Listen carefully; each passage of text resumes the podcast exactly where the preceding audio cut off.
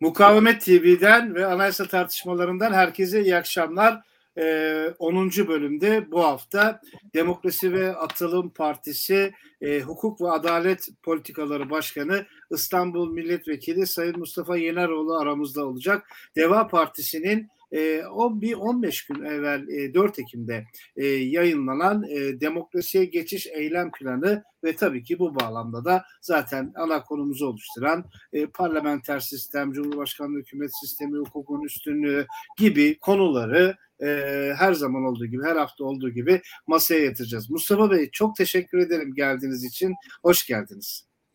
Hoş bulduk. Teşekkür ediyorum. İyi akşamlar diliyorum. Ee, iyi yayınlar aynı zamanda. Sağ olun, teşekkür ediyorum. Hemen şöyle bir e, minik bir girişle izninizle e, ben e, başlamak istiyorum. E, Deva Partisi, e, kısa adıyla Deva Partisi, e, ye, geçtiğimiz yıl e, Mart ayında 2020'de yanlış söylüyorsam ne olur düzeltin, e, kurulan bir partide. E, partinin programında da aslında anayasayla ilgili tartışmaları gayet de genişte yer veriliyor. Sadece de bu, bu demokrasiye geçiş eylem planında değil, programınızda Türkiye'de anayasalar toplumun özgürlük ve demokrasi taleplerini yansıtmaktan e, ve toplumsal barışı tesis etmekten uzak kalmıştır e, tespitiniz var. E, toplum tasavvuru, kimlik ve inanç tercihleri devleti hakem olmaktan çıkarıp bir taraf haline getirmiştir.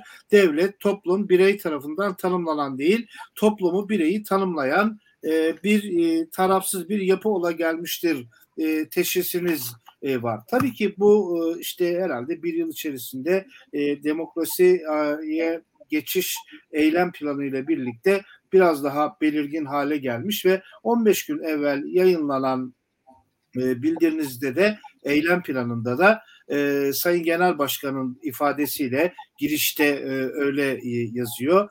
E, Cumhur, Cumhurbaşkanlığı hükümet sisteminin e, şöyle şey yapayım e, bir, bir e, demokrasimizin Cumhurbaşkanlığı hükümet sisteminin bir saldırısı altında olduğu tespitiyle e, eylem planınıza başlamışsınız. Ben genel olarak da böyle bir Cumhurbaşkanlığı hükümet sistemini parti nasıl görüyor? Saldırıdan kasıt nedir? E, oradan bir başlamak istiyorum. Sonra da yavaş yavaş zaten oldukça detaylı hazırlanmış bir eylem planınız var. E, onların üzerinde de olabildiğince e, detaylı bir şekilde e, konuşmaya çalışacağız. Buyurun lütfen söz sizin.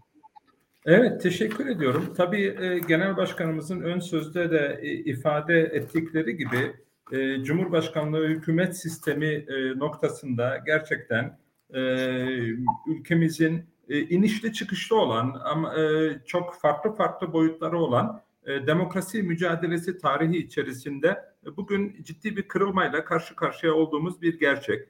E, bu e, hususta da Cumhurbaşkanlığı hükümet sistemi adı altında uygulanan keyfi yönetimin de e, çok önemli bir etkisi olduğuna dair e, bir kanaatimiz söz konusu. Tabii burada biz Deva Partisi olarak devamlı şunu ifade ediyoruz e, şu anki ülkenin e, haliyle ilgili bir taraftan Cumhurbaşkanlığı hükümet sistemi adı altında uygulanan sistemsizlik en önemli bir etken ama bu sistemsizliği belirleyen bu sistemsizliği de anayasal düzen e, dışında bir keyfi uygulama yönetim biçimine e, götüren de aynı zamanda zihniyet meselesidir. Yani bugün biz Türkiye'de e, ülkemizin anayasal düzen içerisinde anayasaya tabi bir iktidar tarafından yönetilmediğini, hukukun üstünlüğüne tabi olmayan, hukukun üstünlüğünü e, yok sayan, hukuku kendine tabi kılan e, bir anlayışla yönetildiğini e, ifade ediyoruz. E, bu sebepten dolayı da meselenin sadece bir sistem sorunu olmadığını, aynı zamanda bir zihniyet sorunu olduğunu e, doğru. Yani mesela 2017 öncesi bir sistemle karşı karşıya kalmış olsak bile mevcut e, demokrasi noktasında, hukukun üstünlüğü noktasında çarpık zihniyetin bu ülkeyi demokratik bir yönetim biçimi içerisinde yönetemeyeceğini, yönetmesinin imkansız olduğunu iddia ediyoruz. Dolayısıyla şu anda meselenin sadece bir sistem meselesi olmadığını, aynı zamanda bir sistem meselesi olduğunu vurguluyoruz. Çünkü mevcut Cumhurbaşkanı da sonuç itibariyle anayasa üzerine yemin ediyor. Milletin birliğini temsil etme noktasında e, görevini e, anayasada zaten belirlediği gibi ama aynı zamanda hukukun üstünlüğüne sadık kalacağına, demokrasiye hizmet edeceğine, milletin birliğine hizmet edeceğine yemin ediyor. Dolayısıyla bunun gereklerini yerine getirmek durumunda. Ancak uygulamaya baktığımız zaman Cumhurbaşkanı kendisini tamamen anayasal düzenin üzerinde konumlandırıyor. Dolayısıyla meseleyi biz bir bütün olarak değerlendiriyoruz. Hem ortada bir sistemsizlik söz konusu, diğer tarafta da bir zihniyet çarpık, demokrasi noktasında bir çarpık zihniyet söz konusu. İkisi bir araya geldiği zaman ülke tamamen keyfi bir savrulma içerisinde. Ben şöyle anladım Mustafa Bey. E, zaten siz de gene e, bu e, eylem planında geçmişe yönelik eleştirileriniz de var. Diyorsunuz ki biz geçmişin tekçi, merkeziyetçi, çoğunlukçu, vesayetçi sistemine dönmek de istemiyoruz diyorsunuz. Şu anda söylediklerinizle eylem planındaki bu sözleri de bir araya getirince ya daha öncesinde kötü bir sistem vardı. Şimdi o da yok. Tamamen sistemsiz ve keyfi bir idare e, ile mi yönetiliyoruz? Ve e, e, Sayın Genel Başkan'ın da söylediği saldırı biraz da bu mudur efendim? Şimdi e, saldırı tabii ki şöyle e, yani saldırı kelimesinin üzerinde özellikle o kelimenin agresif e, boyutu üzerinde duracak olursak biraz daha bunu detaylandırmamız gerekiyor. Bakın şu anda e, her nasıl demokratik bir sistem yani hukukun üstünlüğünü esas alan demokratik bir sistemin olabilmesi için kuvvetler ayrılığı olması gerekiyor. Bu insanlık tarihinin öğretisi aslında. Ee, bunu kimse bugün itibariyle günümüz dünyasında reddetmez. Yani en totaliter devletler bile bir şekilde kuvvetler ayrılığına tabi olduğunu en azından kağıt üzerinde iddia ediyorlar. Şimdi buna baktığımız, şu anki mevcut duruma baktığımız zaman Cumhurbaşkanı hatırlayacaksınız bunlar iki yıl önceki adli yıl açılışında bizatihi kendisi çıkıp işte e, yargı, e, yasama kendi arasında farklı farklı çekişmeler olabilir ama netice itibariyle devletin başı benim, herkes bana tabi. Dolayısıyla e, bende birleşilmesi gerekir şeklinde cümleler kurmuştu. Aslında Cumhurbaşkanı yaptığını reddetmiyor. Yani Cumhurbaşkanı şu anki Türkiye'mizin içerisinde bulunduğu savrulmayı bizatihi kendisi devamlı teyit ediyor, altını çiziyor. Ben bu şekilde uyguluyorum diye ifade ediyor. Biz de diyoruz ki bu uygulama biçiminin anayasal düzenle yani şu anki sorumlu Cumhurbaşkanlığı hükümet sistemiyle de uzaktan yakından alakası yok. Saldırı konusu neden kaynaklanıyor? Cumhurbaşkanı mesela bakın mevcut anayasaya göre sözde Cumhurbaşkanı da 2017 vaatlerinin en önemli boyutlarından birisiydi. Tam manasıyla kuvvetler ayrılığı gerçekleştirilecekti.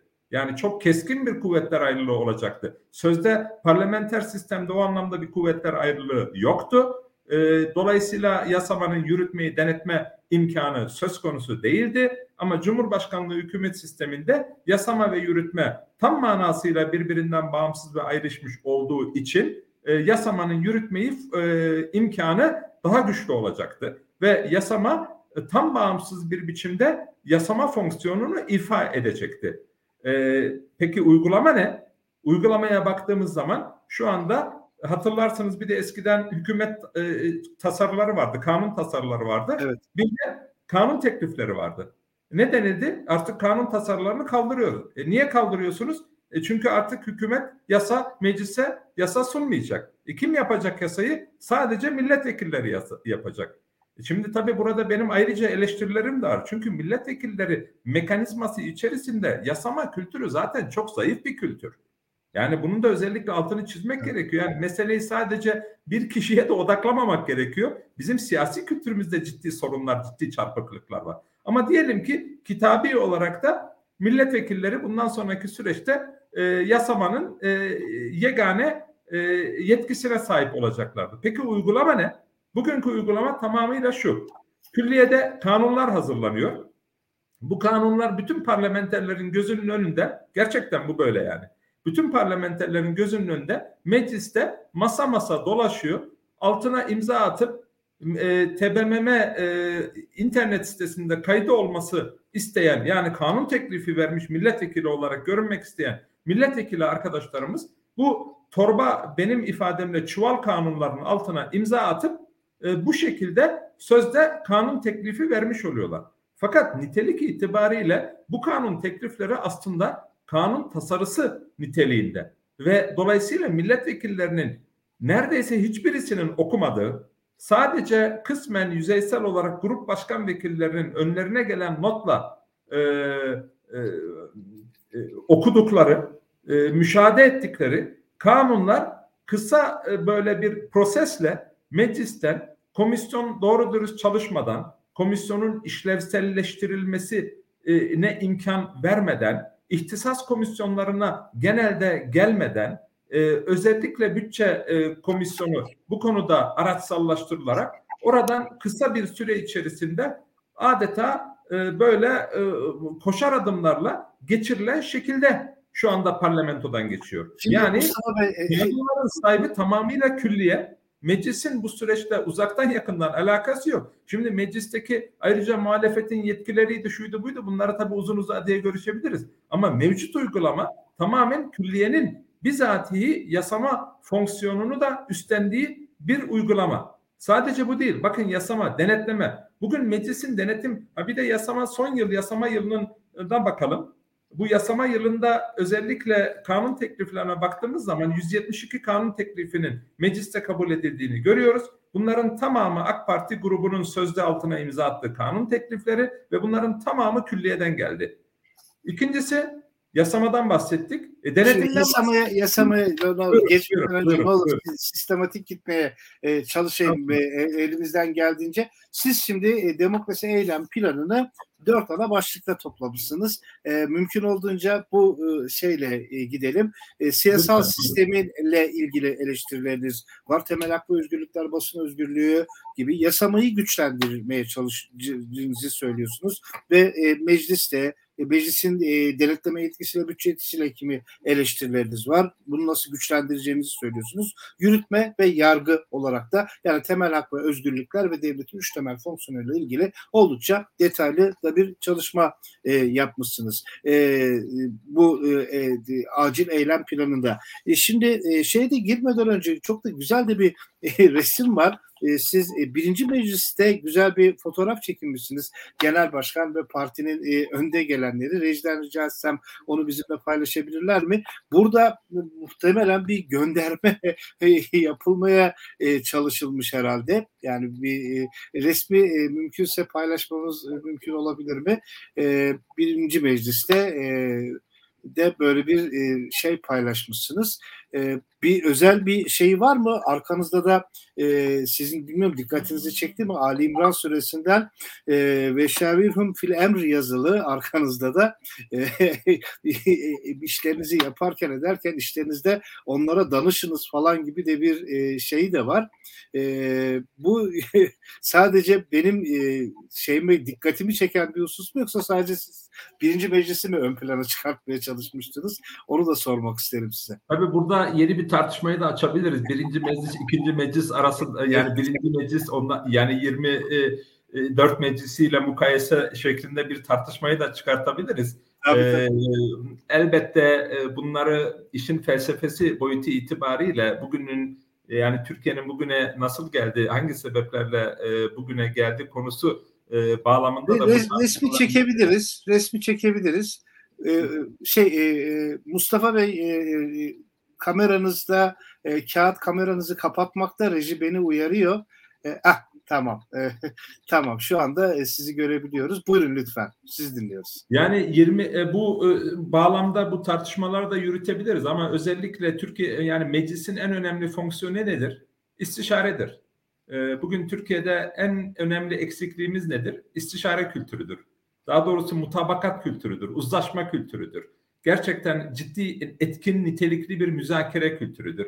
E, Türkiye Büyük Millet Meclisi'nde de bugün bu müzakere kültürünün eksik olduğu, e, Cumhurbaşkanı'nın başta olmak üzere ortağıyla birlikte ana muhalefet partisi liderini terör örgütleriyle iltisaklı, ilişkili diye ikide bir lanse ettiği, e, muhalefete her türlü hakareti yaptığı, e, topluma her türlü ötekileştirmeyi e, reva gördüğü, e, bir ortam içerisinde e, Türkiye'nin e, gerçekten hani toplumsal mutabakattan bahsediyoruz. E, bu ülkenin huzurunu e, temin edebilecek bir e, yaklaşımla ülkenin yönetilmesi adeta imkansız hale getirilmiştir. Toplum evet. inanılmaz derecede kutuplaştırılmıştır. Siyaset e, adeta e, çatışma zeminine dönüştürülmüştür. Halbuki siyaset ve siyasi partiler birbirleriyle çatışmak değil, birbirleriyle müzakere ederek farklı fikirlerini birbirleriyle yarıştırarak toplumun huzuruna sunan ama parlamentoya geldikten sonra da o parlamentoda e, yine e, birlikte çalışan ve toplumun hayrına müzakere kültürünü en etkin bir biçimde uygulanan elbette yine çoğunluğun e, hakim olduğu ama e, azınlığın da görüşlerinin e, o rasyonelleştirilmiş mekanizmalar içerisinde dinlenildiği, önemli görüşler ifade edildiği takdirde bunların da ciddiye alındığı bir mekanizmadır. Bugün Türkiye Cumhuriyeti Devleti'nde bu mekanizmaların tamamı adeta atıl vaziyettedir. Bu sebepten dolayı da mesele hani tekrar başa dönüyorum. Sadece bir sistem sorunu değil, aynı zamanda bir zihniyet sorunudur. Bakın Weimar Cumhuriyeti'nde biliyorsunuz Weimar Cumhuriyeti niye yıkıldı sorusunu sorarken tarihçiler özellikle hukuk tarihçileri hep şunu söyler. Demokratsız bir demokrasiydi. Ben bugünkü Türkiye ile mukayese etmek manasında bunu söylemiyorum. Ama bu cümlenin çok önemli olduğunu, Türkiye'de her bir e, demokratın bu soruyu kendisine sorduğunu ve demokrasi bilinciyle yüzleşmesi gerektiğini, Türkiye'de demokratların da sayısının arzu edilenin çok gerisinde siyasi partilerden bahsediyorum tabii ki olduğu durumuyla ne kadar karşı karşıya olduğumuzu sorgulamamız gerektiğini düşünüyorum. Bu her an yapılması gereken bir sorgulama. Bunu yaptığımız takdirde de bugün Türkiye'nin birçok sorunuyla aslında gerçek manada sahici olarak yüzleşebilme imkanıyla karşı karşıya kalacağız. Dolayısıyla gel, günümüzde geldiğimiz noktanın e, tek sorumlusu bana göre Tayyip Erdoğan değil. Bu şekilde değerlendirilme çok yüzeysel bir değerlendirme olur. Bunu çok daha geniş bir biçimde bugün biz neden bu noktaya geldik sorusunu da sorarak elbette e, Tayyip Erdoğan'ın ülkeyi e, savurduğu hali de göz ardı etmeden, hafife almadan, küçümsemeden bu meselelerde sorgulayıp geleceğe bakmamız gerekiyor ve gelecekte de nasıl huzurlu, mutlu bir Türkiye inşa edeceğimizin anahtarlarını da geçmişten ibret alarak, ders alarak ve gelecekle ilgili bundan sonraki süreçte asgari mutabakat olarak özgürlükçü demokratik temel e, bir e, düzeni nasıl inşa ederiz üzerinde yürümemiz gerektiğini düşünüyorum. Bu mutabakatın da gerisine düşemeyeceğimiz kanaatindeyim. Tabii bu, bu arada Weimar Cumhuriyeti'nin e, e, yıkılışının hukuki temelleri ve Türkiye karşılaştırmasını yapabilecek de e, Türkiye'deki e, az sayıda insandan birisiniz. Köln Hukuk Fakültesi mezunu olduğunuzu e, biliyorum ben. E, yani bu konuyu e, başka bir zaman başka bir şeyle sizden daha ayrıntılı bir şekilde dinlemek de isterim. Siz şimdi temel hak ve özgürlükler konusunda e, üç temel noktayı ön plana çıkartmışsınız. Bizzat temel hak ve özgürlüklerin kendisi, basın özgürlüğü ve sivil toplumun güçlendirilmesi. Bu üç noktayı e, biraz daha açmamız mümkün olabilir mi? E, temel hak ve özgürlükleri nasıl güçlendireceksiniz? Parti ne düşünüyor? E, basın özgürlüğünün evrensel ölçülerde güvence altına alınmasından kastınız nedir? Benim sivil toplumla ilgili de bizatihi de ayrıca soracaklarım olacak. Üçüncüsü Elbette. Tabii şunu ifade etmek gerekiyor. Demokratik bir düzenin e, fonksiyonel olabilmesi için bir kere o e, devletin öncelikli görevini doğru tarif etmemiz gerekiyor. Özgürlükçü demokratik temel düzende devletin öncelikli görev, e, öncelikli fonksiyonu insan onurunu korumaktır. Toplumda çok farklı kesimlerin bir arada huzur içerisinde yaşayabilmesi için onların e, temel haklarının korunması noktasında mekanizmaları e, teminat altına almaktadır almaktır ve bu doğrultuda da en temel e, haklar olan e, ifade öz, düşünce özgürlüğü, ifade özgürlüğü, basın özgürlüğü gibi e, temel hakları e, korumaktır. Biz bu çerçevede diyoruz ki kanun önünde eşitlik ilkesinin gereklerini sağlama anlamında ötekileştirme hissiyatı doğuran tüm uygulamaların ortadan kaldırılması gerekiyor. Yine temel hak ve özgürlükler toplum bireyler arasında herhangi bir fark gözetmeksizin e, herkesin hakkının güvenceye alınacak şekilde ve özellikle iç hukukumuzu uluslararası standartlarla uyumlu kılacak şekilde uygulamamız gerekiyor. Burada tabii ki sadece e, biz e, ifade hürriyeti, basın hürriyeti üzerinde durmuyoruz. Aynı zamanda e, yine etnik, dini, mezhebi inanç hakları üzerinde de duruyoruz. Bugün Alevi toplumunun Türkiye'de çok ciddi sorunların olduğunu düşünüyoruz. Bunların da birçok noktada uygulamadan ve uluslararası standartlardan uzak olmamızdan kaynaklandığını düşünüyoruz. Ama günümüz Türkiye'sine baktığımız zaman şu anda kanayan yara en temel mesele elbette ifade hürriyeti. İfade hürriyetinin önünde uygulamada çok ciddi engeller var. Ama aynı zamanda yasalarda da çok ciddi engeller var. Biliyorsunuz özellikle ceza maddelerinde bazı maddeleri e, şu değerlere hakaret bu değerlere hakaret olsun. Ondan sonra devletin e, e, mekanizmalarına, devletin cumhurbaşkanına hakaret olsun. E, buna benzer e, iktidarın arzu ettiği doğrultusu da uygulanan e, yani içtihatları da tamamen bir kenara bırakarak iktidarların arzu ettiği doğrultuda uygulanan ve toplumu adeta boğan e, yaklaşımlarla karşı karşıyayız.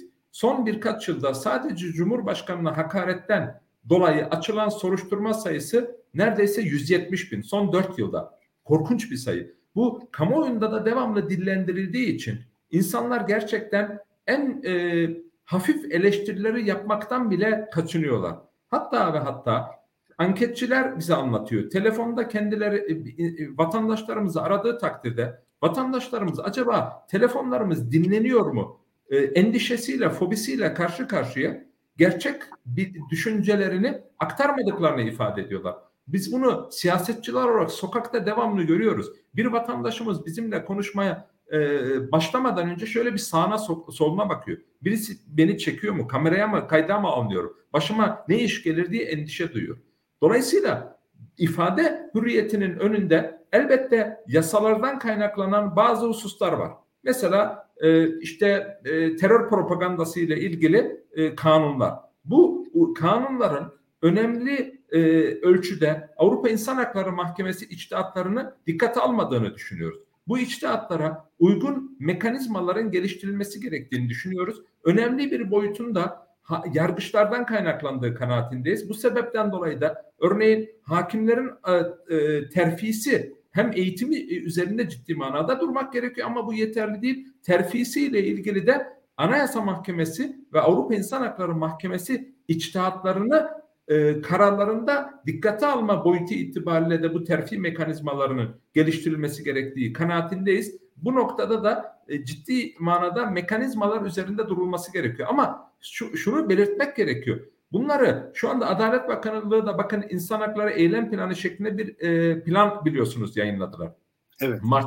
Şimdi bunların detayda hepsini uygulasanız bile çok fazla bir şey ifade etmez. Çünkü temel sorun zihniyet sorunu. Yani uygulayan talimatla yargıya talimat vererek e, savcılara talimat vererek neticeler elde ediyorlarsa insanları tutuklattırabiliyorlarsa insanlara ceza verdirile, verdirebiliyorlarsa Anayasa Mahkemesi üyeleri bizzat aranarak onlara talimat verecek şekilde mekanizmalar şu anda ayaktaysa o zaman zaten hangi detayda hangi mekanizmayı geliştirirseniz geliştirin bir anlam ifade etmeyecektir. Dolayısıyla bir demokrasi ancak demokratların hakim olduğu bir ortamda arzu edilen topluma huzur veren boyutlarını sağlayabilir. Aksi takdirde bunu sağlaması mümkün değildir. Dolayısıyla tek mesele sadece detayda bu e, düzenlemeleri yapmak değil, demokrat zihniyete sahip insanların bu düzenlemeleri yaparak bu düzenlere sahip çıkmasıdır.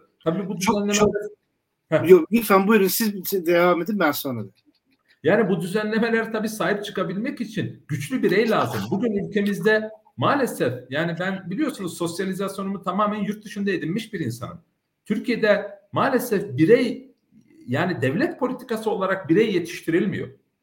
Düşünen, sorgulayan, itiraz eden, farklı düşündüğünü beyan eden ve bunun mücadelesini yetiş, e, veren insanlar yetiştirmiyor.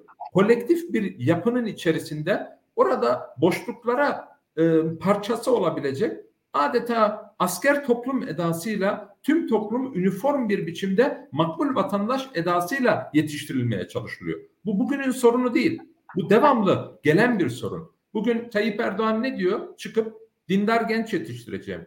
Bu e, bu o kadar garip bir yaklaşım ki zaten neticeye bakıyoruz. Sadece kindar gençler yetiştirmeden dışında bir şey yapamıyor. Geçmişte de ülkemiz bunu yaşadı. Farklı yaklaşımlar da oldu. Farklı ideolojik anlayışlar doğrultusunda insan yetiştireceğiz diyenler de çıktı. Ne oldu? Ülkemiz hiçbir zaman huzur bulamadı. Niye? Temelinde özgürlükçü demokrasiyi kağıt üzerinde bırakarak e, özgürlükçü demokrasiden ay, ayrı bir biçimde devlete üniforma giyindiren, devlete üniforma giydirdikten sonra da doğal olarak bu devletin bireylerin özgürlüklerini kısıtlayacak bir noktada e, araçsallaştırılması neticesinde hiçbir zaman biz Türkiye'de güçlü bir demokratik düzene erişemedik temel hak ve özgürlükler konusunda e, kurallar kadar e, biraz da demokratların da önemli olduğunu vurgulamanız gerçekten çok kayda değerdi. Ben de e, izninizle çok minik bir örnekle buna şey yapmak isterim, ilave etmek isterim. 2016'dan sonra barış akademisyenleri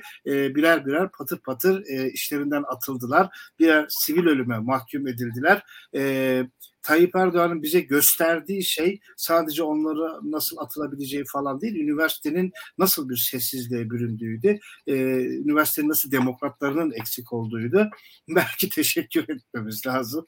Yani yani bayağı hani o şeyi gö, gö, gö, bize gösterdi yani. O attı, herkes de sessiz kaldı. Herkes demeyelim, çoğunlukla sessiz kaldı. Türkiye'nin iyi kötü birçoğu, birçoğu e, yüz akı sayılabilecek meslektaşlarımı, arkadaşlarımızı e, görevlerinden uzaklaştırdılar. Üniversitelerinden Maalesef. attılar. Demek ki e, içeriğini beğenmek zorunda değiliz. Zaten fikir özgürlüğü e, her konuda birbirimize aynı şey düşünmemizi değil, içeriğini beğenmediğimiz şeylerin de o meşhur John Stuart Mill'in de özgürlük tanımıyla kadarıyla siz de çok iyi biliyorsunuz ki yani fikrine katılmasam bile söyleme özgürlüğünün arkasında duracağım şeklindeki o beylik lafın bile Türkiye'de ne kadar içinin boşaldığını biz 2016'dan sonra gördük. Siz de e, bu vesileyle bunun altını çizmiş oldunuz ve o demokratsız demokrasi olmuyor. Weimar'dan sonra tekrar aynı noktaya geldik. E, peki basın özgürlüğünü Deva e, Partisi'nin bir e, şeyinde nasıl çözeceğiz? Yani bu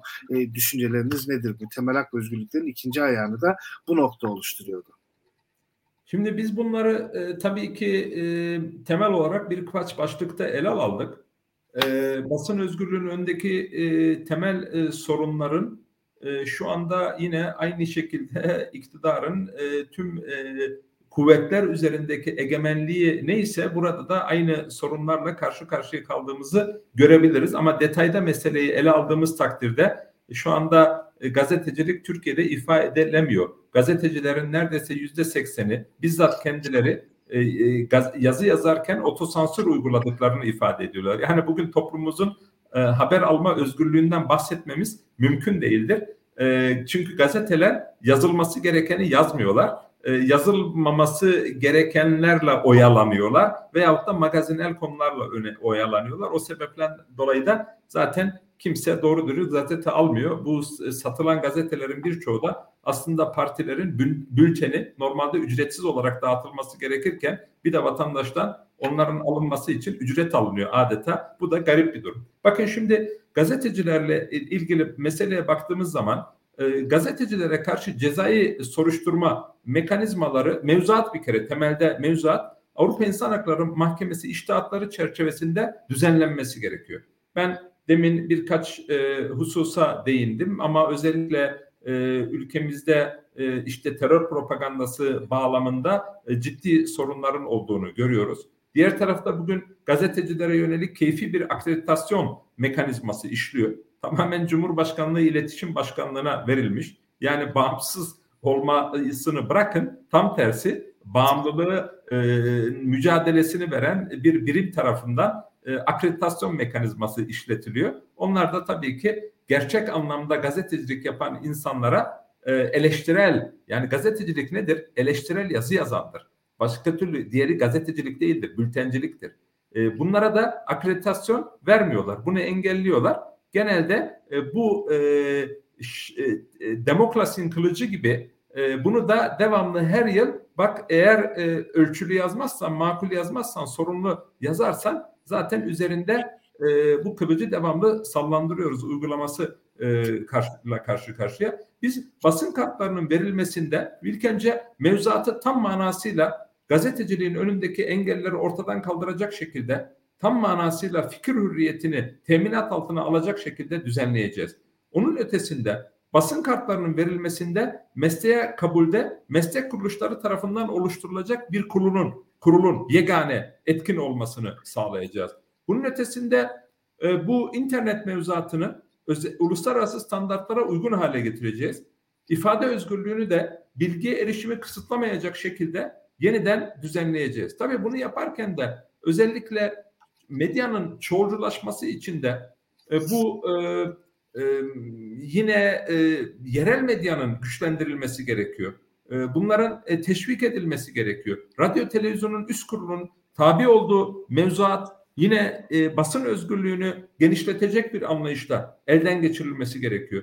E, TRT'nin kurumları, mekanizmaları, e, kurulları tamamen yenilenmesi gerekiyor. Anadolu Ajansı bu anlamda bağımsız, eleştirel yayın yapacak bir noktaya taşınması gerekiyor ve medyanın tekelleşmesinin de tekelleşmesinin e, sağlayan mekanizmalarda ortadan kaldırılması gerekiyor. Yani basın ilan kurumunun resmi ilan ve reklamları da yine ister eleştirel ister değil tüm e, basın kuruluşlarına adil, şeffaf ve bağımsız mekanizmalar tarafından denetlenecek bir biçimde dağıtılmasının sağlanması gerekiyor ve e, bağımsız bir yayın politikasının güçlendirilmesi için de e, medya içerisinde tekelleşme, örneğin holding patronlarının e, medya e, ya tam manasıyla hakim olması ve farklı farklı işler yaparak medya üzerinden para kazanma mekanizmaların da gerçekten üzerinde durulup bunlar da gözden geçirilmesi gerekiyor.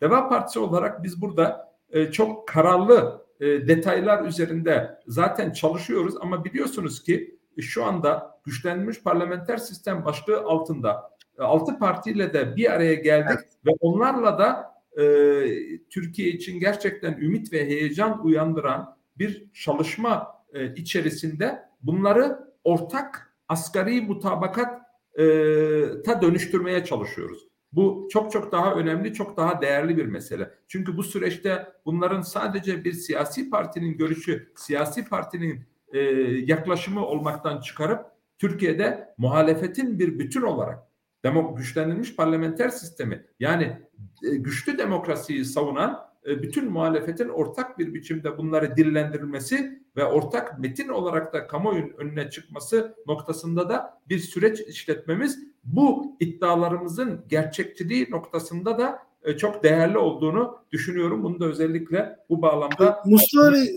sizi bulmuşken size sorayım. Bu altı parti e, ni, nasıl ve niye bir araya geldi? Niye 7 8 9 değil? Dışarıda kalanlar niye kaldı? Siz mi çağırmadınız? Şimdi, şimdi şöyle biz e, şöyle tabii bu e, biz bütün partilerle e, zaten e, birebir görüşmeler yapıyorduk.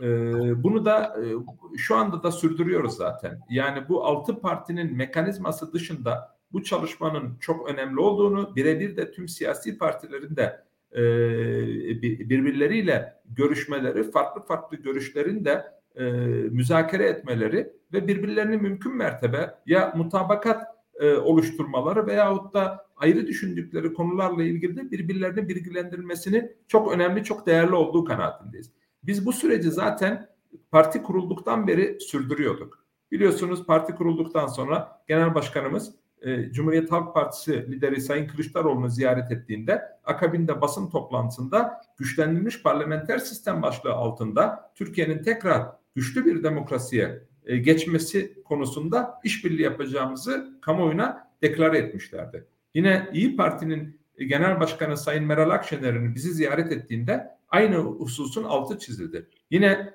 e, HDP'nin Deva Partisi'ni ziyaret ettiğinde de biz bu konuları görüştük. Dolayısıyla bizim şu anda bir arada olduğumuz mekanizmada ortak karar alıyoruz. Herhangi bir siyasi partinin farklı düşündüğü bir konuyu ortak zeminin dışında tutuyoruz. Neden? Çünkü amacımız asgari e, bir mutabakat zemini oluşturmak. Bunun e, çok değerli olduğu kanaatindeyiz. Eğer bu ortamda e, herhangi bir siyasi parti şu veya bu siyasi partinin bu ortamda olmaması gerektiği noktasında bir kanaate sahipse o zaman biz bunun önüne geçmemiz, bunu göz ardı etmemiz mümkün değil. Çünkü asgari mutabakatla yürümemiz gerekiyor. Bu asgari mutabakatın şartlarından birisi de e, buydu. Bunu da zaten kamuoyu biliyor diye düşünüyorum. Yani sizin e, tercihiniz değil, e, altı partiden başka partilerin tercihleri e, olduğunu anlıyorum ben. Elbette çünkü bizim tercihimiz olsa biz ilgili siyasi partiyle iletişim halinde olmayız. Ee, biz e, bütün siyasi partilerle e, demokratik zeminde e, eleştirilerimiz de olsa birçok noktada farklı düşünsek bile elbette bu çünkü doğal yoksa farklı siyasi parti olmazdık. Onlarla bir araya gelip daha güçlü bir e, demokrasinin oluşması noktasında e, işbirliği ve görüşmelere, müzakerelere hazır olduğumuzu devamlı ifade ediyoruz.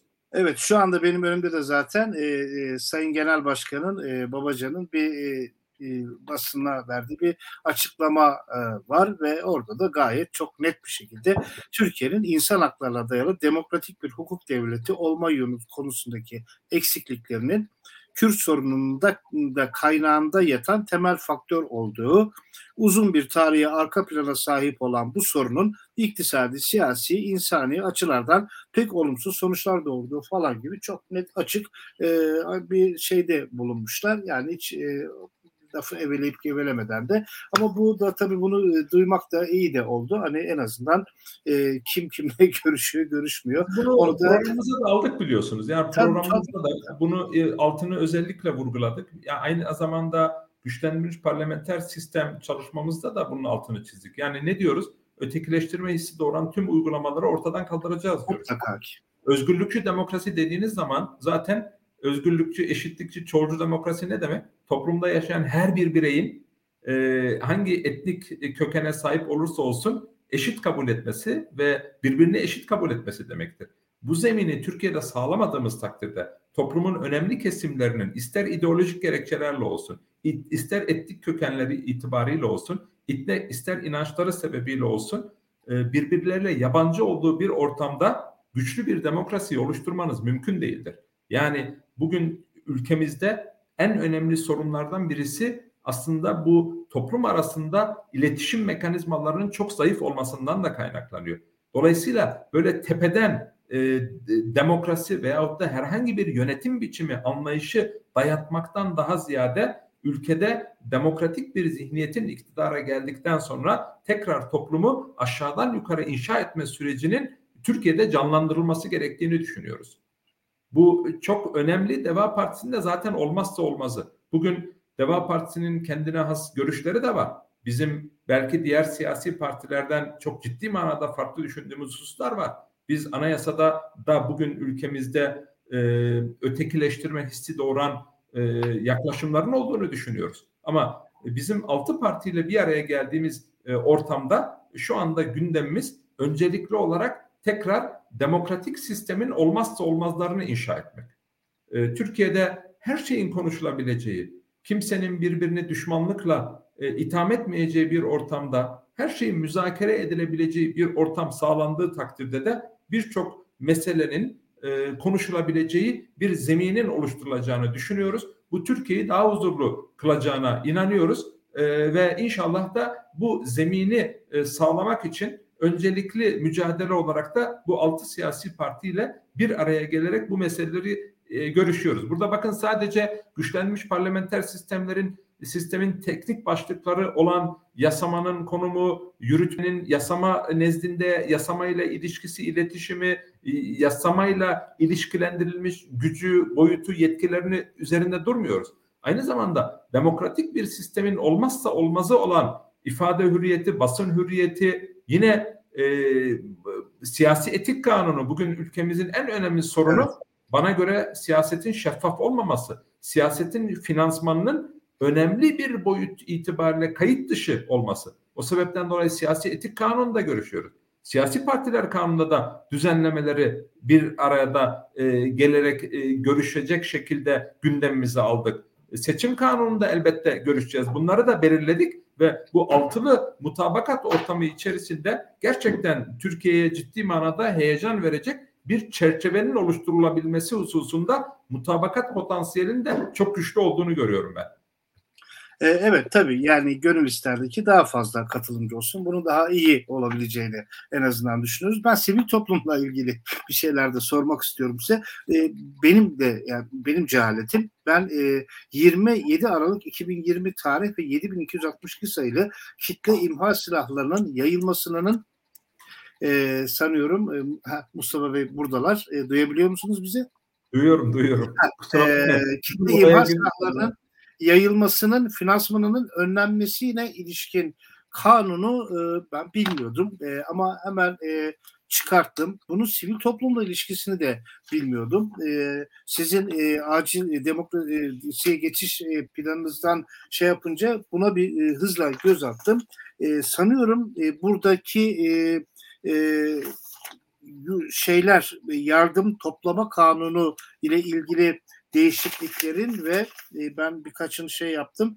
Dernekler Kanunu birinci maddesinde yabancı dernek merkezleri ve yurt dışında bulunan dernek ve vakıflarla işbirliğiyle ilgili kuralların değişmesini mi e, sivil toplumun önüne bir engel olarak e, görüyorsunuz? Bakın yani başta... kitle imha, çünkü kitle imha, imha silahlarının sivil topluma zarar deyince doğrudan yasayı bulup indirme ihtiyacı hissettim. Kurcaladığımda da olsa olsa dedim muhtemelen bunlara bunların e, e, sivil topluma zarar verdiği düşünülüyordur diye düşündüm. Size e, sorma ihtiyacı hissettim. Çünkü ben de bilmiyordum. Evet, kitle imha silahlarının yayılmasının finansmanı önlenmesine ilişkin kanun aslında Birleşmiş Milletler'in inisiyatifi e, neticesinde doğan bir süreç. Orada Türkiye'den e, beklenilen hususlar ve diğer tabii ki ülkelerden beklenilen hususlar e, aslında tamamen e, başlıkta ifade edilen hedefe matuf hususlardı. Fakat Türkiye bu işi tamamen başkalaştırdı. Başlıkla içerik çok değişik bir noktaya geldi. İktidar evet.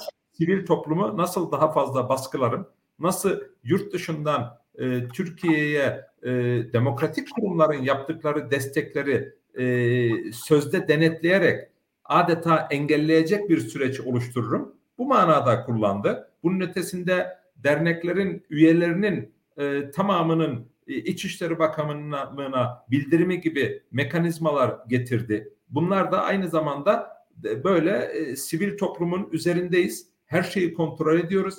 Bizim arzu ettiğimiz istikamette e, faaliyetler olmadığı takdirde her an bunları engelleyebilecek bir konumda olduklarını gösteren bir çerçeve ortaya koydular. Zaten bu yetiyor endişe vermek için. İlla bir yaptırım uygulamaya gerek yok. Ama aynı zamanda bu kanunda sivil toplum kuruluşlarına yüzeysel gerekçelerle kayyım atama imkanlarının da yetkisini de iktidar aldı kendine. Güneydoğu'da kayyım atamalar noktasında o kadar tecrübe kazanmış ki sivil topluma da aynı şekilde bu uygulanacak bir yasal düzenleme e, bu şekilde oluşturuldu. E, dolayısıyla hem sivil toplumun e, finansmanı hem sivil toplum kuruluşlarına vatandaşlarımızın ilgisi hem de yurt dışında e, demokratik kurumların Türkiye'deki sivil toplum kuruluşlarını destekleme e, ile ilgili e, çabalarına engel getiren bir e, zemin oluşturuldu ve e, bu şekilde de iktidar sivil toplumu da daha sıkı kontrol altına almak için bir süreç işletiyor. Sadece bu değil ama bakın yani bugün ülkemizde kamu yararı statüsü mekanizmaları olsun, vergi muafiyeti gibi desteklerden yararlanılması olsun. Bunlarda da adil ve şeffaf davranmıyor. Bunlarda da yine ideolojik sayıklarla hareket ediyor ve toplumu kutuplaştıran, toplumu ayrıştıran uygulamalarda bulunuyor. O sebepten dolayı biz diyoruz ki sivil toplum kuruluşları bağımsız olması gerekiyor. Sivil toplum kuruluşları sivil inisiyatifi, e, anti otoriter yaklaşımları bakın altını çizerek söylüyorum anti otoriter yaklaşımları e, destekleyen, güçlendiren, otoriteyi kontrol eden, denetleyen, vatandaşın asıl e, onuru korunması gereken e, birey olduğunu e, devletin vatandaşa taraf vatandaşa karşı korunması değil, vatandaşın devletin tiranlaşması karşısında korunması gerektiği hususu e, temel anlayış, temel felsefe olarak belirlediğiniz takdirde zaten sivil topluma doğru bakabilirsiniz. Bireye doğru bakabilirsiniz. Biz de Deva Partisi olarak bu anlayıştan hareketle sivil toplum kuruluşlarına yönelik her türlü ayrımcılık, kayırmacılık ve dışlayıcılık uygulamalarına son vereceğimizi taahhüt ediyoruz. Bu bağlamda da tabii ki bir dizi uygulamalar e, üzerinde duracağız. İşte demin belirttiğim gibi kamu yararı statüsü, vergi muafiyeti e, gibi desteklerden yararlanması konusunda tüm sivil toplum kuruluşlarının yararlanması konusunda adil ve şeffaf bir yöntem uygulayacağız. Aynı zamanda sivil toplum kuruluşlarının denetimiyle ilgili şu anda iktidarın uyguladığı gibi mevzuatı sivil toplum kuruluşlarının kuruluş amaçları ve yasalar çerçevesinde faaliyet göstermelerini temin edecek şekilde e, düzenleyeceğiz. Yani iktidarın yaptığı gibi tersini yapmayacağız. Şu anda denetlemek için daha fazla daha sık denetlemek için ve engellemek için kullanıyorlar. Halbuki yapılması gereken sivil toplum kuruluşların özgürlüklerini güçlendiren, temin eden e, bir mekanizma oluşturulması gerekiyor. Bir de sivil toplum kuruluşlarına uygulanan cezai yaptırımlarda e, hakkaniyet ilkesi şu anda tamamen e, ondan uzaklaşılmış vaziyette. Tekrar oraya dönülmesi gerekiyor. Bir de bakın şu anda ülkemizde sivil toplum derken en önemli konulardan birisi biliyorsunuz toplanma ve gösteri düzenleme hakları. Bugün ülkemizde toplanma ve gösteri düzenleme hakkı var mı? Uygulamada tamamen kaldırılmış vaziyette. Anayasaya göre adeta sınırsız bir hak. Sadece bildirimde bulunulması gerekiyor. Ama zaten burada tamamıyla izin alınması gereken bir sürece dönüştürdüler anayasaya aykırı bir biçimde. Bugün ülkemizde fiilen toplanma ve gösteri düzenleme hakkı da adeta e, uygulanamaz bir hale getirilmiş vaziyette ki bunları da örgütlenme özgürlüğü lehine yeniden düzenleyeceğiz ve bu engellerin tamamını ortadan kaldıracağız. Yine Deva Partisi olarak e, kadınların toplumda güçlendirilmesi noktasını çok önemsiyoruz. E, özellikle e, kadın sivil toplum kuruluşlarını ve gençlerin sivil toplum kuruluşlarını daha güçlü bir biçimde e, desteklemeyi de e, taahhüt ediyoruz. E, ve e, bu, bu, bu minvalde de e, sivil toplum kuruluşları yine biliyorsunuz kanun yapım süreçlerinde de çok etkili olabilecek imkanlara e, güçlü demokrasilerde sahipler. E, aynı zamanda e, Türkiye Büyük Millet Meclisi'nin komisyon çalışmalarına da onlar dahil edilmesi gerekiyor. Yani sadece milletvekillerini seçen değil, aynı zamanda sadece denetleyen de değil, aynı zamanda o yasama mekanizması içerisinde de etkin olmalarını da sağlamamız gerektiğini düşünüyoruz. Bu anlamda da meclis komisyonlarına uzman sivil toplum kuruluşlarının katılımını da zorunlu hale getirecek mekanizmalar üzerinde de çalışıyoruz. Şimdi benim şurada bir minik bir eleştirim de olacak. Teknik de bir soru zaten. Sivil toplumun önündeki engelleri kaldıracağız derken STK'lardan bahsediyorsunuz. Ee, ben e, yani e, hele de Almanya'da şey yapmış birine hani burjuva toplum, sivil toplum hiç bunun tercümesini bile yapmayayım. E, STK ile şey aynı değil. E, sivil toplumun önündeki engelleri kaldırmak e, STK'larla ilgili kimi teknik sorunları çözmekle pek alakalı görünmüyor. Hakeza sizin çok çok daha iyi bildiğinizi düşündüğüm gibi e, yani önemli olan şey hakim dinsel, cinsel, etnik, mezhepsel, dilsel e, şeyin e, dışındaki e, girişimlere, sivil girişimlere devlet e, yapısal olarak evet bunlar da olabilir. Ben de bunların varlığının garantisiyim. Hukuk bunları da koruyor diyebilecek mi demeyecek mi? Yani e, işte kimi e, ayrım işte e, vergi muafiyeti, işte adil şeffaf yönetim gibi bunlar da çok önemli. Ama teknik şeylerin çok ötesinde bir sorun olduğunu düşünüyorum. Sivil toplumla ilgili e, şeylerin. İkincisi sivil toplumla bir cümle, bir cümle ekleyebilir miyim burada? Tabii, Bakın bunu sağlayabilmeniz için ne yapmak zorundasınız? Bir kere devleti o kimlikçi yaklaşımdan e, arındırmanız gerekiyor. Aa, çok doğru. Arındırmadığınız takdirde devlet herhangi bir ideoloji, herhangi bir e, dini veya dünyevi görüş, yine Alman anayasasının kavramlarıyla ifade ediyorum, e, dini veya dünyevi görüşü sahiplenirse, benimserse vatandaşa karşı taraflı davranmak zorunda. Vatandaşın özgürlüklerini kısıtlamak zorunda. Birisini diğerine tercih etmek zorunda. Evet. O sebepten dolayı biz özgürlükçü demokratik düzen diyoruz. Çünkü özgürlükçü devlet kimlik e, sahibi devlet olamaz. Özgürlükçü devletin en öncelikli görevi adaleti sağlamaktır, toplumsal huzuru sağlamaktır ve toplumda yaşayan her bir bireye eşit davranmaktır. Bunun için de herhangi bir kimlikten arındırılması gerekiyor. Bunu Çok geçmişte de Türkiye'de biz başaramadık. günümüzde çok çok daha beter bir noktaya gelmiş vaziyette. Ama çok, ben çok ümit ediyorum ki geçmişte olan bitenlerden ders alarak günümüzdeki savrulmalardan da ders alarak yine bundan sonraki süreçte özgürlükçü demokratik anlayışı ortak mutabakat zemini olarak değerlendirebilecek e, noktaya ülkemizi veya toplumumuzu toplumumuzun temsilcilerinde inşallah getirmişizdir. Demokrasiye geçiş eylem planının ikinci ana başlığını ise yasamanın güçlendirilmesi oluşturuyor ki herhalde şu anda en muzdarip olduğumuz konuların başında da bu geliyor. E, Deva Partisi e, yasamayı e, ne tür mekanizmalarla güçlendirmeyi planlıyor? Şimdi aslında girişte biraz üzerinde durduk. Ee, e, üzerinde yasamanın en önemli fonksiyonları nedir? Ee, gerçekten e, tam manasıyla yasama sürecine hakim olmasıdır ve yine etkin bir biçimde yürütmeyi denetleme fonksiyonuna sahip olması gerekir. Bunun sağlanabilmesi için elbette e, yasama ortamına e, seçilme mekanizması da demokratikleştirilmesi gerekiyor. Ona başlıklar olarak sadece gireceğim.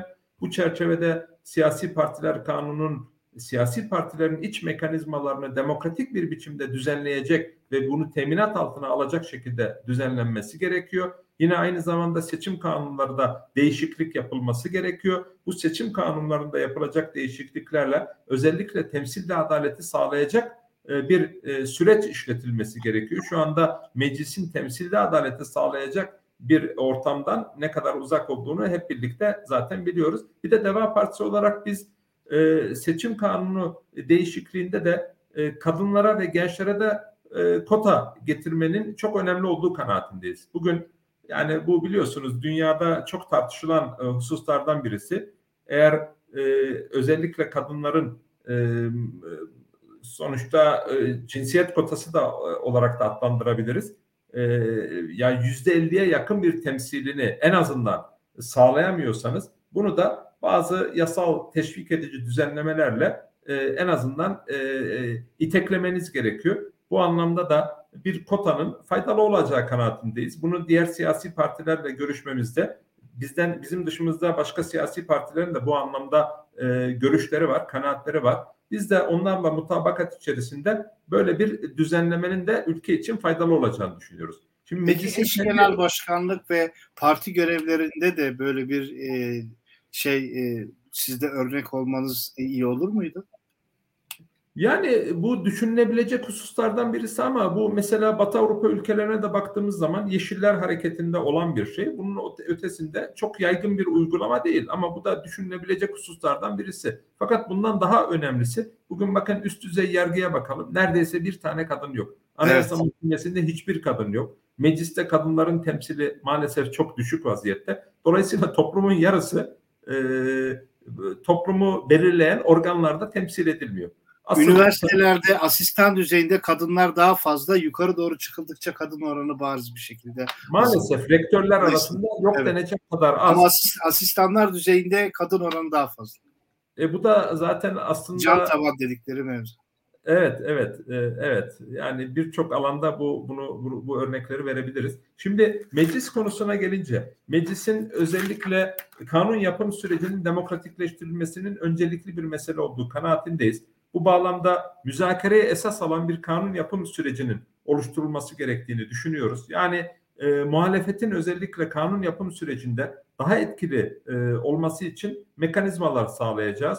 E, sürecin e, katılımcı, çoğulcu, şeffaf olması noktasında yani mümkün mertebe e, gerçekten kanun yapım süreçlerinin özellikle kıstadan iste parlamentodan bir iki gün içerisinde geçirme süreci şeklinde değil de uzun vadeli e, kamuoyunun tartışmalara katılabilecek, tartışmaları yönlendirebilecek, belirleyecek, etkileyebilecek bir şekilde bu süreçlerin yeniden inşa edilmesi gerekiyor.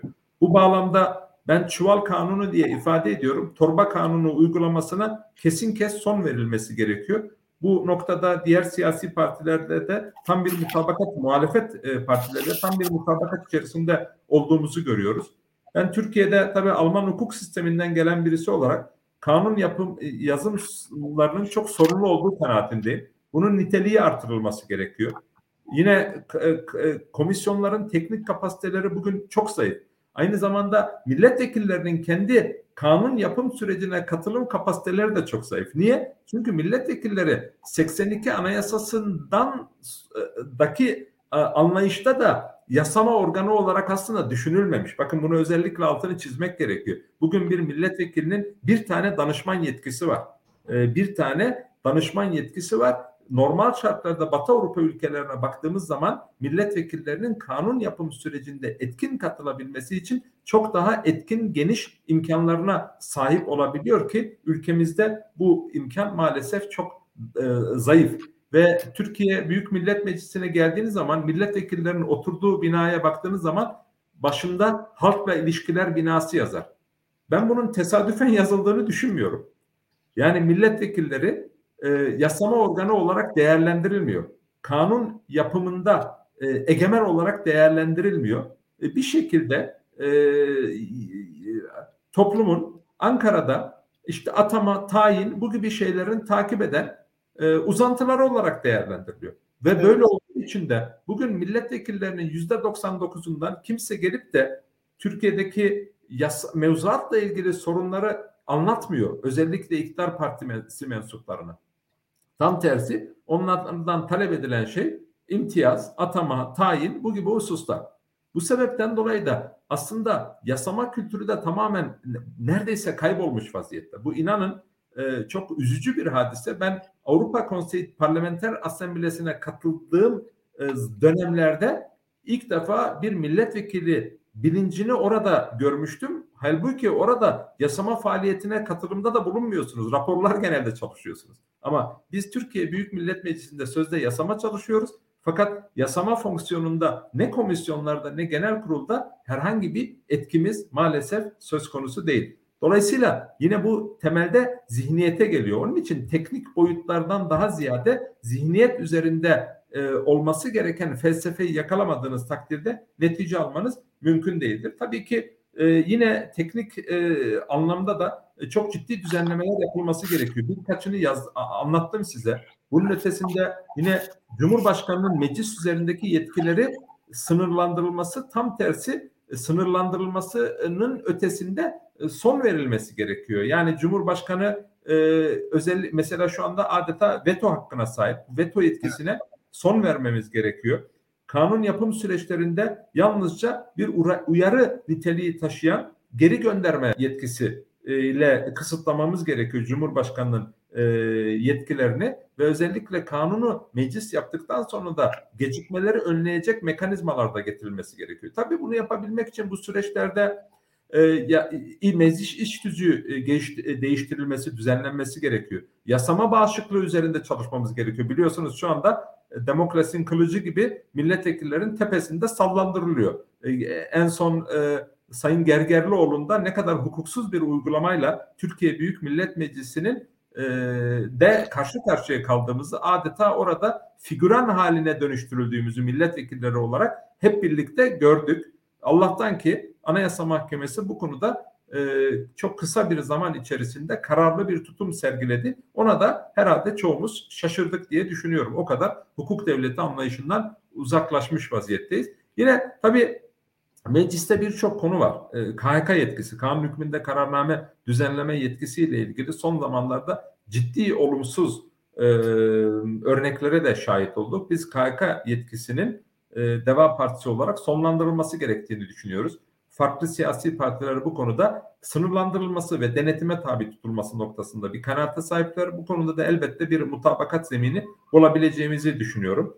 Ee, bu anlamda komisyonların güçlendirilmesinden bahsettim. Bu komisyonlara özellikle uzman kapasitesinin artırılması, sivil toplumun artırılması ve bunun zorunlu hale getirilmesi hususunun üzerinde durdum ve muhalefet hakkının çok önemli olduğunu, bugün mesela grubu olmayan milletvekillerinin mecliste e, konuşma imkanı neredeyse yok. Ben mecliste evet. konuşamıyorum. E, gerçekten e, sürece e, e, teknik katılımda bulunmak istesem de böyle bir imkana sahip değilim. Bu, bu anlamda zaten sadece iktidarı da eleştirmiyorum.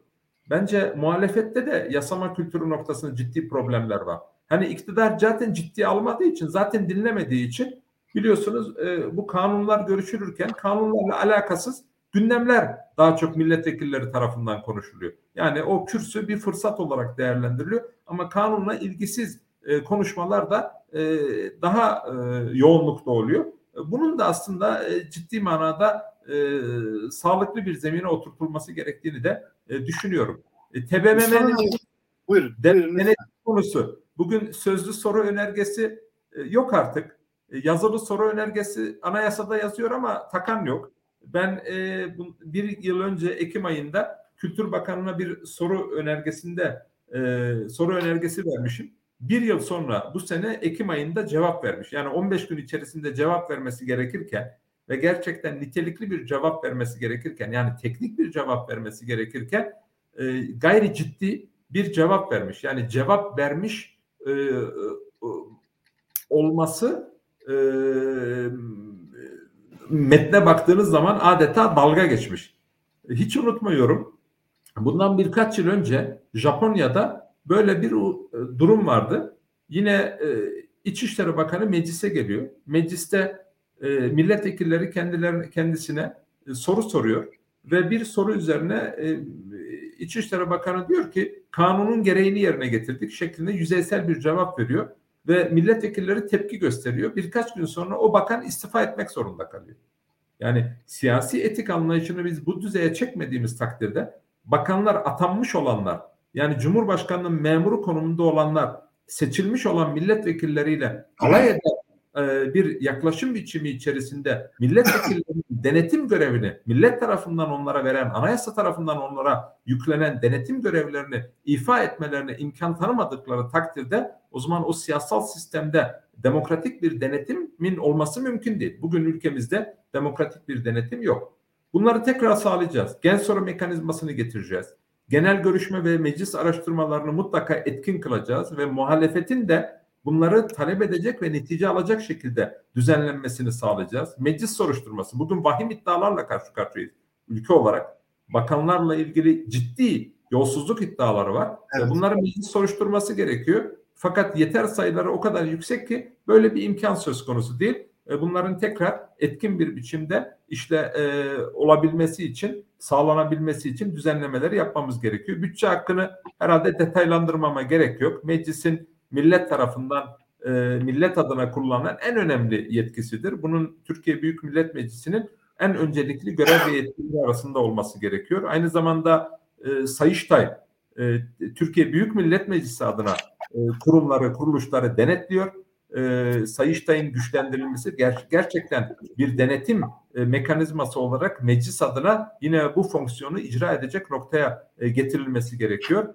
E, yine meclisin başka önemli görevleri var. Yani bize göre Türkiye Büyük Millet Meclisi... Gen, soru, gen soruya biraz şeysiniz. Yani hükümetin kurulmasına kolaylaştırırken gen sorulu hükümet düşürülmesinin zorlaştırılmasından bahsediyorsunuz ve yapıcı güvensizlik mevzunu da e, buna bir çözüm olarak e, e, sunuyorsunuz. Metini yanlış anlamadıysam. Bu yapıcı güvensizlik e, galiba e, herhalde altı partinin hatta ben e, işte e, Mithat Hoca'dan, Mithat Sancar Beyefendi de programa katıldığında ondan da dinlediğimi hatırlıyorum. E, hemen hemen bütün siyasi partilerin üstüne hassasiyetle durduğu da bir konu. Ama e, ben ilk defa sizin e, demokrasiye geçiş eylem planında bunun e, işte hükümet kurulunun kolaylaştırılması gen soruyla çoğunluğun ya sahip partinin hükümet devirmesine bir alternatif gibi e, sunulduğunu da görüyorum. E, siz yapıcı güvensizlikten kastınız ne? Gensur'uyla hükümet düşürülmesinin böyle biraz daha e, önlenmeye çalışılmasındaki amaç nedir? Şimdi tabii bu e, yeni bizim keşfimiz değil. E, e, özellikle e, güçlü e, parlamenter sistemlerde bu e, yine Almanya'dan örnek vermiş olacağım ama Almanya'da e, yine İspanya'da da böyle bir uygulama var. Fakat Almanya örneği e, bence önemli bir uygulama ve e, biliyorsunuz Almanya'da e, çok istikrarlı bir e, yapı da var. Yani son e, zannedersem 40 yıldır en az 40 yıldır iktidarlar e, genelde koalisyon hükümeti şeklinde ülkeyi yönetseler bile e, çok istikrarlı bir durumla karşı karşıyayız ki Merkel'den sonra gelecek e, şansölye veya başbakan ülkede 9. başbakan olacak. Yani 1949'dan sonra e, şöyle bir hesap yapalım. 51, 61, 71, 72 yıl içerisinde 9. başbakan yani e, siyasi istikrarın ne kadar güçlü olduğunu orada da hükümetlere rağmen görüyoruz. Oysa yeni hükümet kuvvetle muhtemel üçlü bir koalisyon alacak. Dolayısıyla ülkemizde bir de koalisyonlardan korku var ya. Çünkü bunun temelinde uzlaşma kültürüne e, uzlaşma bir zaaf olarak kabul ediliyor. Böyle bir e, problem de var. Bu kültürü aşmamız gerekiyor. Bugün Danimarka 100 küsür yıldan beri e, koalisyonlarla yönetilen bir ülke ve çok başarılı bir biçimde yönetilen bir ülke. Birçok Avrupa ülkesinde de bu örnekler var. Ama bu noktalara gelebilmemiz için işte bu toplum içerisindeki siyasetçilerin ciddi manada teşvik ettiği bu kutuplaşmayı, bu ya birbirini ötekileştirme e, anlayışını aşmamız gerekiyor. Şimdi sizin sorduğunuz soruya gelecek olursak biz hükümetlerin kurulmasının kolaylaştırılıp düşürülmesinin zorlaştırılmasının hükümet istikrarını sağlayacak önlemler arasında en önemli önlemler olarak değerlendiriyoruz. Bu bağlamda hükümetin kurulmasında basit çoğunluk esasını e, dikkate alacağız. Düşürülmesinde ise nitelikli çoğunluk kuralını esas alacağız. E, bu e, yine Almanya'da da belirttiğim gibi uygulanan e, bir e, metot. Burada gen soru önergesi verme hakkını da e, sınırlandırmayı düşünüyoruz. Yani bunu nasıl sınırlandıracağımız konusuyla ilgili diğer siyasi partilerle de elbette e, görüşmeler yapacağız. Fakat bunun sınırlandırılması ve e, bu gen soru müessesesinin hükümeti zayıflatmayacak şekilde kullanılmasının sağlanmasını öngörüyoruz. Bunun için ne yapacağız? Hükümet krizlerinin olmaması için gen soru önergesinin gündeme alınmasına karar verilmesi sonrasında yapılacak güven oylamasında Türkiye Büyük Millet Meclisi'nin e, üye tam sayısının salt çoğunluğunun gerekli olduğu yapıcı güvensizlik oyunu getireceğiz. Yani e, hükümetin e, düşürülmesinde e, TBMM'nin üye tam sayısının çoğunluğuyla yeni başbakan belirlenmesi şartına bağlayacağız. Birisi sadece e, hükümeti düşürmek istiyorsa, bir güvensizlik söz konusuysa aynı zamanda da yeni hükümet bir başbakan, yeni hükümetin başbakanı önerisiyle bir öneri getirecek ve onun içinde çoğunluk bulabilecek e, şekilde bir şart e, koyacağız. Bu şartla birlikte ülkenin hükümetsiz kalması ve istikrarsız bir sürece savrulmasını engellemiş olacağız diye düşünüyoruz. Ee, bir ilginç bir benim bana göre ilginç bulduğum bir hususta e, sizin demokrasi e, geçiş planınızda partici demokrasiyi de e, sağlayabileceğinizi e, yani söylüyorsunuz. Bunun böyle de bir hedefiniz de var. Bunu parti kendisi için mi söylüyor yoksa bir e, muhtemel bir olası bir deva iktidarında örneğin bir anda MHP'nin de demokratlaşacağını, partisi demokrasinin geleceğini falan mı tahayyül etmemizi bekliyorsunuz?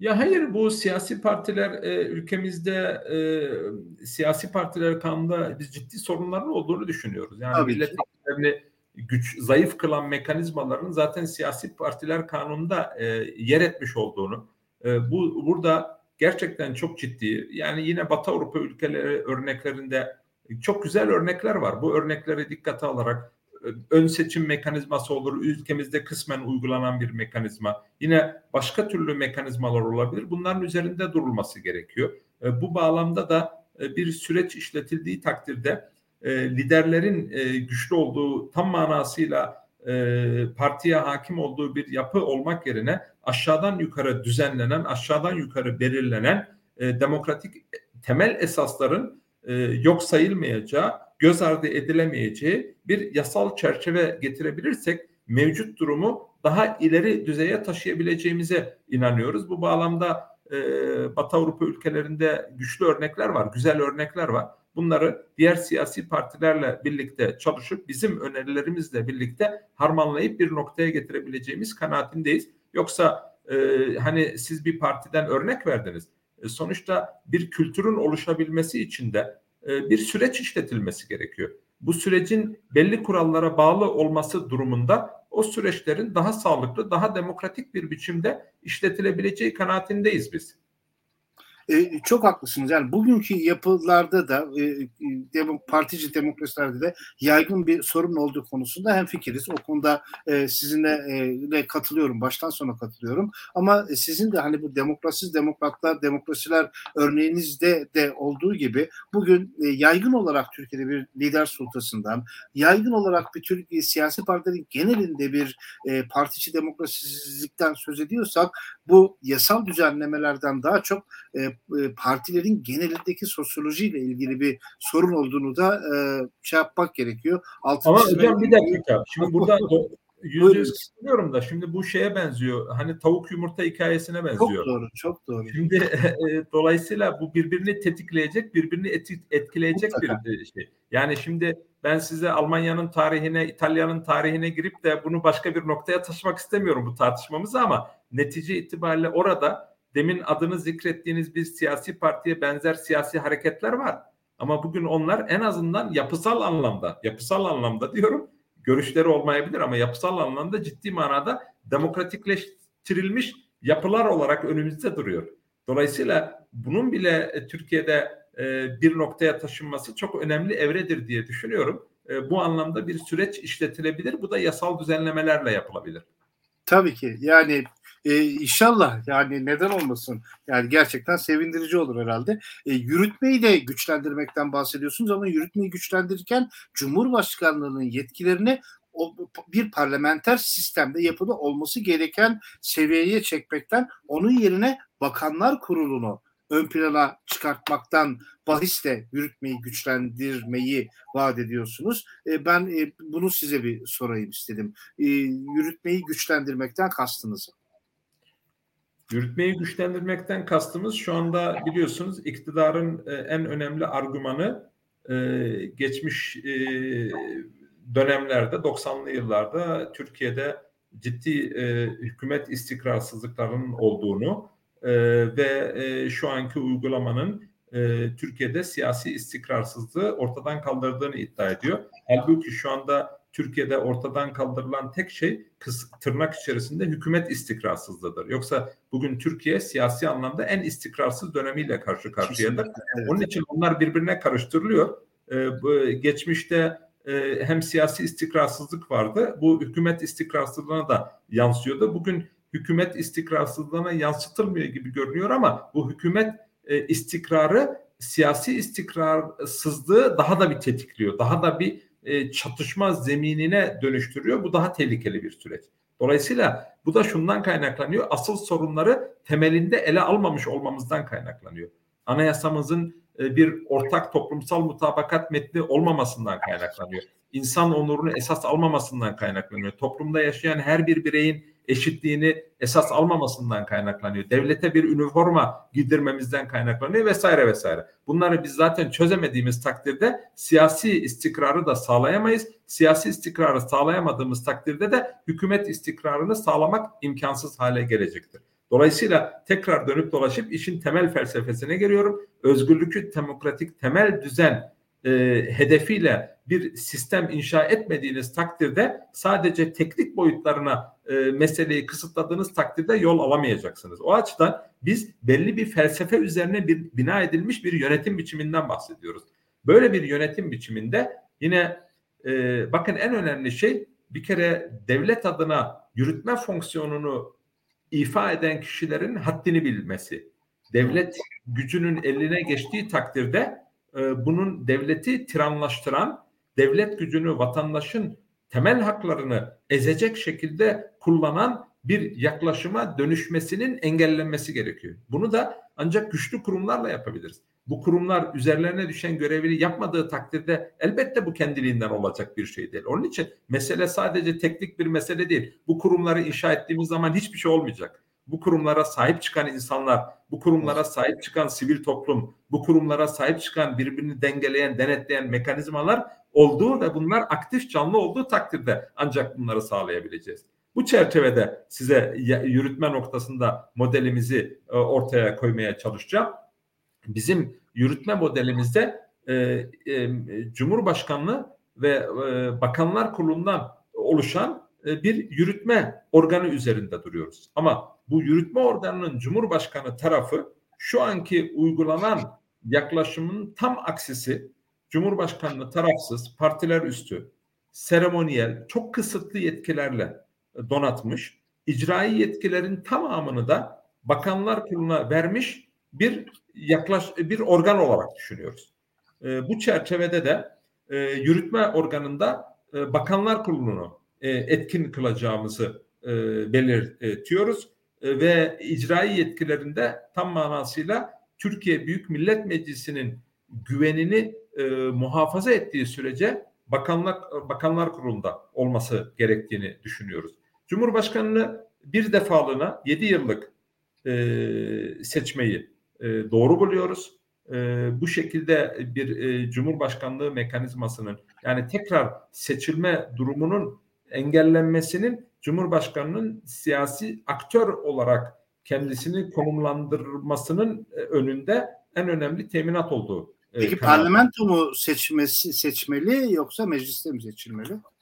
Burada e, asıl olan asıl olan e,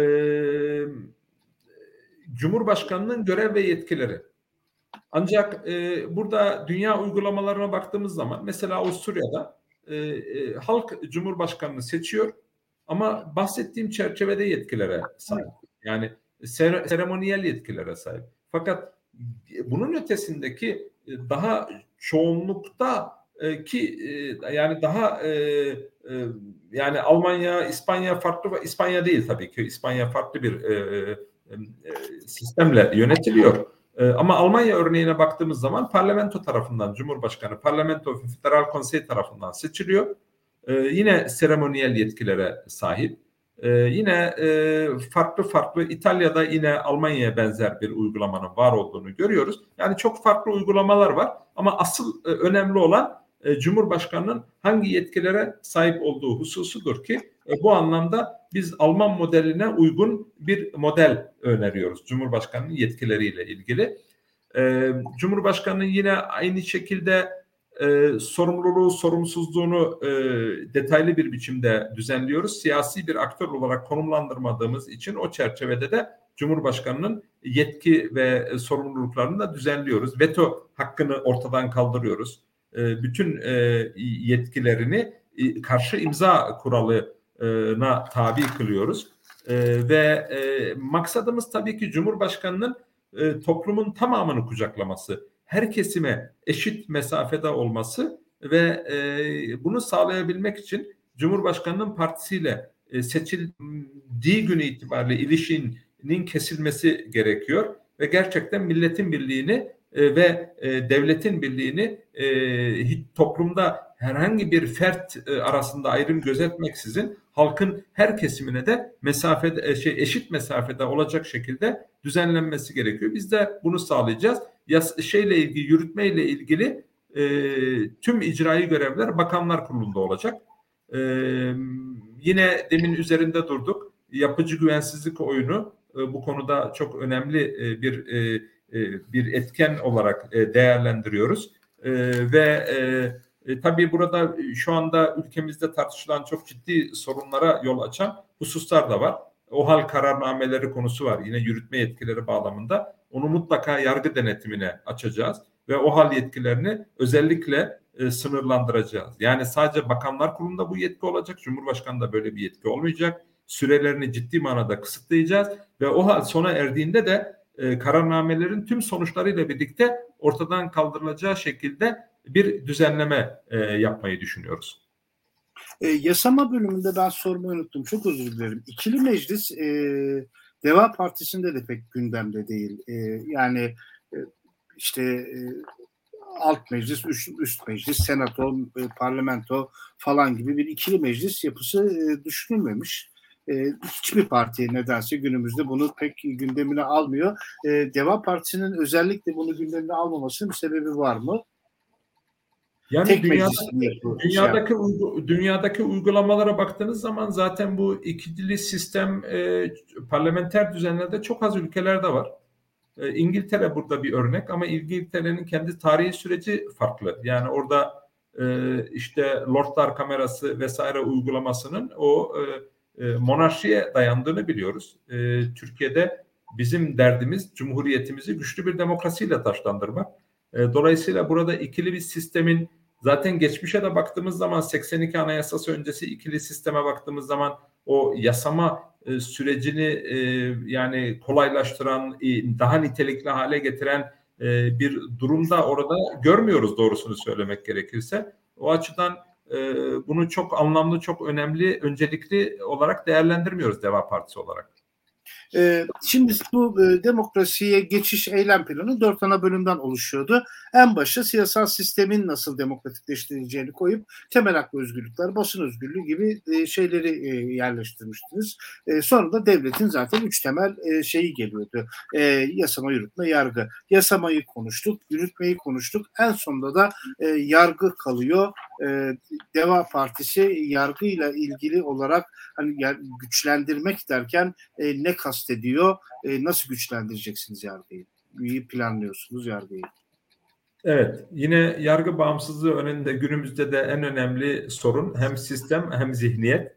Ee, sadece sistem de bir işe yaramayabiliyor. Bugün gördüğümüz gibi e, veyahut da geçmişte de bunu ülkemiz yaşadı. Yani geçmişte yargı bağımsızlığının tam manasıyla uygulandığına dair e, örneklerle de övünebilecek durumda değiliz maalesef. Yani özellikle belirtmek gerekiyor. Dolayısıyla Cumhurbaşkanı şu anda kötülüğü taçlandırmış vaziyette. E, artık e, her şeyi, tüm o kötü olasılıkları patlatmış vaziyette. Yeni bir e, artık tanımlanması bile zor olan bir kötülükle karşı karşıya olduğumuzu e, ben düşünüyorum. O sebepten dolayı da şu anda ülkemizde ki uygulamaları hukuksuzluğun sıradanlaşması olarak e, değerlendiriyorum. E, bizim e, bu anlamda kuvvetler ayrılığını tam manasıyla tekrar tesis etmemiz gerekiyor. Zaten sisteminiz ister başkanlık sistemi olsun, ister parlamenter sistem olsun, ne olursa olsun kuvvetler ayrılığını tam anlamıyla teminat altına almayan, en azından yargıyı bağımsız kılmayan hiçbir sistemin e, temel hakları koruması da mümkün değildir. Dolayısıyla işin özü de burada. Biz e, tekrar e, e, burada Hakimler ve Savcılar Kurulu'nu e, bütün itibariyle düzenleyeceğiz. Hakimler ve savcılara yönelik e, iki ayrı kurul oluşturacağız. Bunları birbirinden bağımsız kılacağız. Hakimler ve Savcılar Kurulu'na şu anda Cumhurbaşkanı tam manasıyla hakim. Evet. E, bunları o, tamamen ortadan kaldıracağız. E, Hakimler Savcılar e, Kurulu'nu ayrıştıracağımızı söyledim. Bu kurullara e, seçiminde de e, meclisin uzlaşma kültürü içerisinde e, nitelikli çoğunlukla seçimini e, yarısından fazlasıyla ilgili seçimini öngöreceğiz. Diğeriyle ilgili yargı kurullarının bu sürece dahil olmasının uygun olacağı kanaatindeyiz ama Deva Partisi olarak diğer siyasi partilerin de bu konularla ilgili görüşlerini de tabii ki önemli, önemsiyoruz. Ama burada temel esas şu, yargı bağımsızlığını tartışmasız bir biçimde teminat altına alacak siyasi mülahazaların bir e, e, meselesine dönüştürmeyecek bir düzenleme yapmamız gerekiyor. Bu anlamda da biz meclisin e, müzakere kültürüne, uzlaşma kültürüne gerçekten inanıyoruz. E, bu uzlaşma kültürü çerçevesinde güçlü bir nitelikli çoğunlukla hakimlerin seçilmesinin sağlıklı olacağı kanaatindeyiz. Burada özellikle bir de e, şunu da öngörüyoruz. TBMM tarafından seçilecek e, adayların kamuya açık bir biçimde e, mülakata tabi tutulmasını öngöreceğiz. Biliyorsunuz bu konuda örnekler var Amerika başta olmak üzere. Maksadımız ne burada? Bir taraftan adayların kamuoyunda yeterince tanınmasını, diğer taraftan da gerçekten nitelikli, kişiye değil hukukun üstünlüğüne sadece ve sadece tabi olan adayların e, seçilmesini bu şekilde sağlamak istiyoruz. Yine burada çok önemli bir husus cinsiyet kotası. Bu kurullara seçimde cinsiyet kotasına yer vererek toplumsal cinsiyet eşitliğini de en üst seviyeye çıkarmayı e, çalışacağız. E, bu kurulların hakimler veya hakimler ve ayrıca savcılar kurulunun kararlarında yargı denetimine açacağız. Bugün orada da ciddi sıkıntılar var. E, hakimlik ve savcılık mesleğine dair ciddi yenilikler getirmemiz gerekiyor. Bu çok önemli. Adalet Bakanlığı'na bağlı olduğuna ilişkin anayasal hükmü kaldırmayı düşünüyoruz Deva Partisi olarak. E, coğrafi teminatın çok önemli olduğu kanaatindeyiz. Özellikle birinci sınıfa mensup hakimler için coğrafi teminatı mutlaka ve mutlaka sağlayacağız. Yine hakimlerin uzmanlık alanına göre e, değerlendirilmeleri, görevlendirilmeleri esasını e, kabul etmeyi düşünüyoruz. E, ve yine bu anlamda bu mekanizmayı gerçekten savcılık mekanizmasında kolluktan bağımsız mevcut durumdan uzak bir biçimde adli kolluk teşkilatı kuracak şekilde daha bağımsız kılmayı düşünüyoruz. Anayasa Mahkemesi'nin üzerinde de düzenlemeler yapılması gerektiğini düşünüyoruz. Anayasa Mahkemesi'nde e, üye seçiminde e, yargı bağımsızlığını ve demokratik meşruiyeti esas alacağız. Yine e, meclisin e, en az yarısının e, seçmesini öngörüyoruz. E, çoğulcu bir yapıya kavuşmasını öngörüyoruz. Cinsiyet kotasına orada da yer vereceğiz. E, ve üyelik seçimiyle ilgili de e, nesnel kriterler e, belirlenmesinin çok önemli olduğunu düşünüyoruz. E, bunu inşallah sağlayacağız e, liyakate esas alıp kayırmacılığı ortadan kaldırmak için de e, TBMM tarafından yapılacak seçimlerde hakimler ve savcılar kurulunda olduğu gibi burada da e, mülakata tabi tutulmalarını e, sağlayacağız. Mahkemenin özellikle görev alanında değiş e, geçlendirmeyi düşünüyoruz. Bağımsızlığını hem güçlendirmek hem de görev alanını genişletmeyi düşünüyoruz. Bireysel başvuru hakkının kapsamını genişletmeyi düşünüyoruz. Yine Anayasa Mahkemesi'ne iptal davası açma yetkisi biliyorsunuz bugün ana muhalefette sadece. Anayasal denetimi biz kolaylaştırmak istiyoruz. TBMM'de bulunan bütün siyasi gruplar ve 20 milletvekilinin bir araya gelmesi durumunda norm kontrol davasının açılmasının önünü açacağız. Bunun e, yasama üzerinde de anayasal denetimi güçlendirme noktasında önemli bir araç olacağı kanaatindeyiz. E, ve Anayasa Mahkemesi'nin de iş yükünü hafifleterek güçlü ve etkili kararlar almasını kolaylaştırmak istiyoruz. Bu sebepten dolayı üye ve bölüm sayısını artırıp her bir bölümün farklı davalara bakmasını da sağlamayı düşünüyoruz. Yani e, YSK'yı yine aynı şekilde e, anayasanın yargı bölümü içerisinde e, yüksek bir mahkeme olarak konumlandıracağız. E, YSK'nın çalışma yapısında etkinliği e, artırmayı düşünüyoruz. Üye seçiminde de bağımsızlığı ve tarafsızlığı e, sağlayacak bir süreç işleteceğiz. E, yine Sayıştay burada gerçekten çok önemli. Sayıştay'ı tüm kamu kurumlarını denetlecek e, şekilde bir çerçeveye oturtmamız gerekiyor. Ve Deva Partisi olarak da biz aynı zamanda savunma mesleğinin de anayasal güvenceye kavuşturulması gerektiğini düşünüyoruz. E, bununla ilgili de e, elbette e, hem e, anayasal düzenleme yapacağız hem de örneğin çoklu baro modeline de son vereceğiz. Yani barolar avukatlığın tarafsız, bağımsız ve etkili bir şekilde yerine getirilmesi noktasında düzenlenmesi gerekiyor. Yine barolar ve Türkiye Barolar Birliği seçimlerinde de temsilde adalet ilkesi de e, sağlanması gerekiyor. Bu şimdiye kadar da yoktu.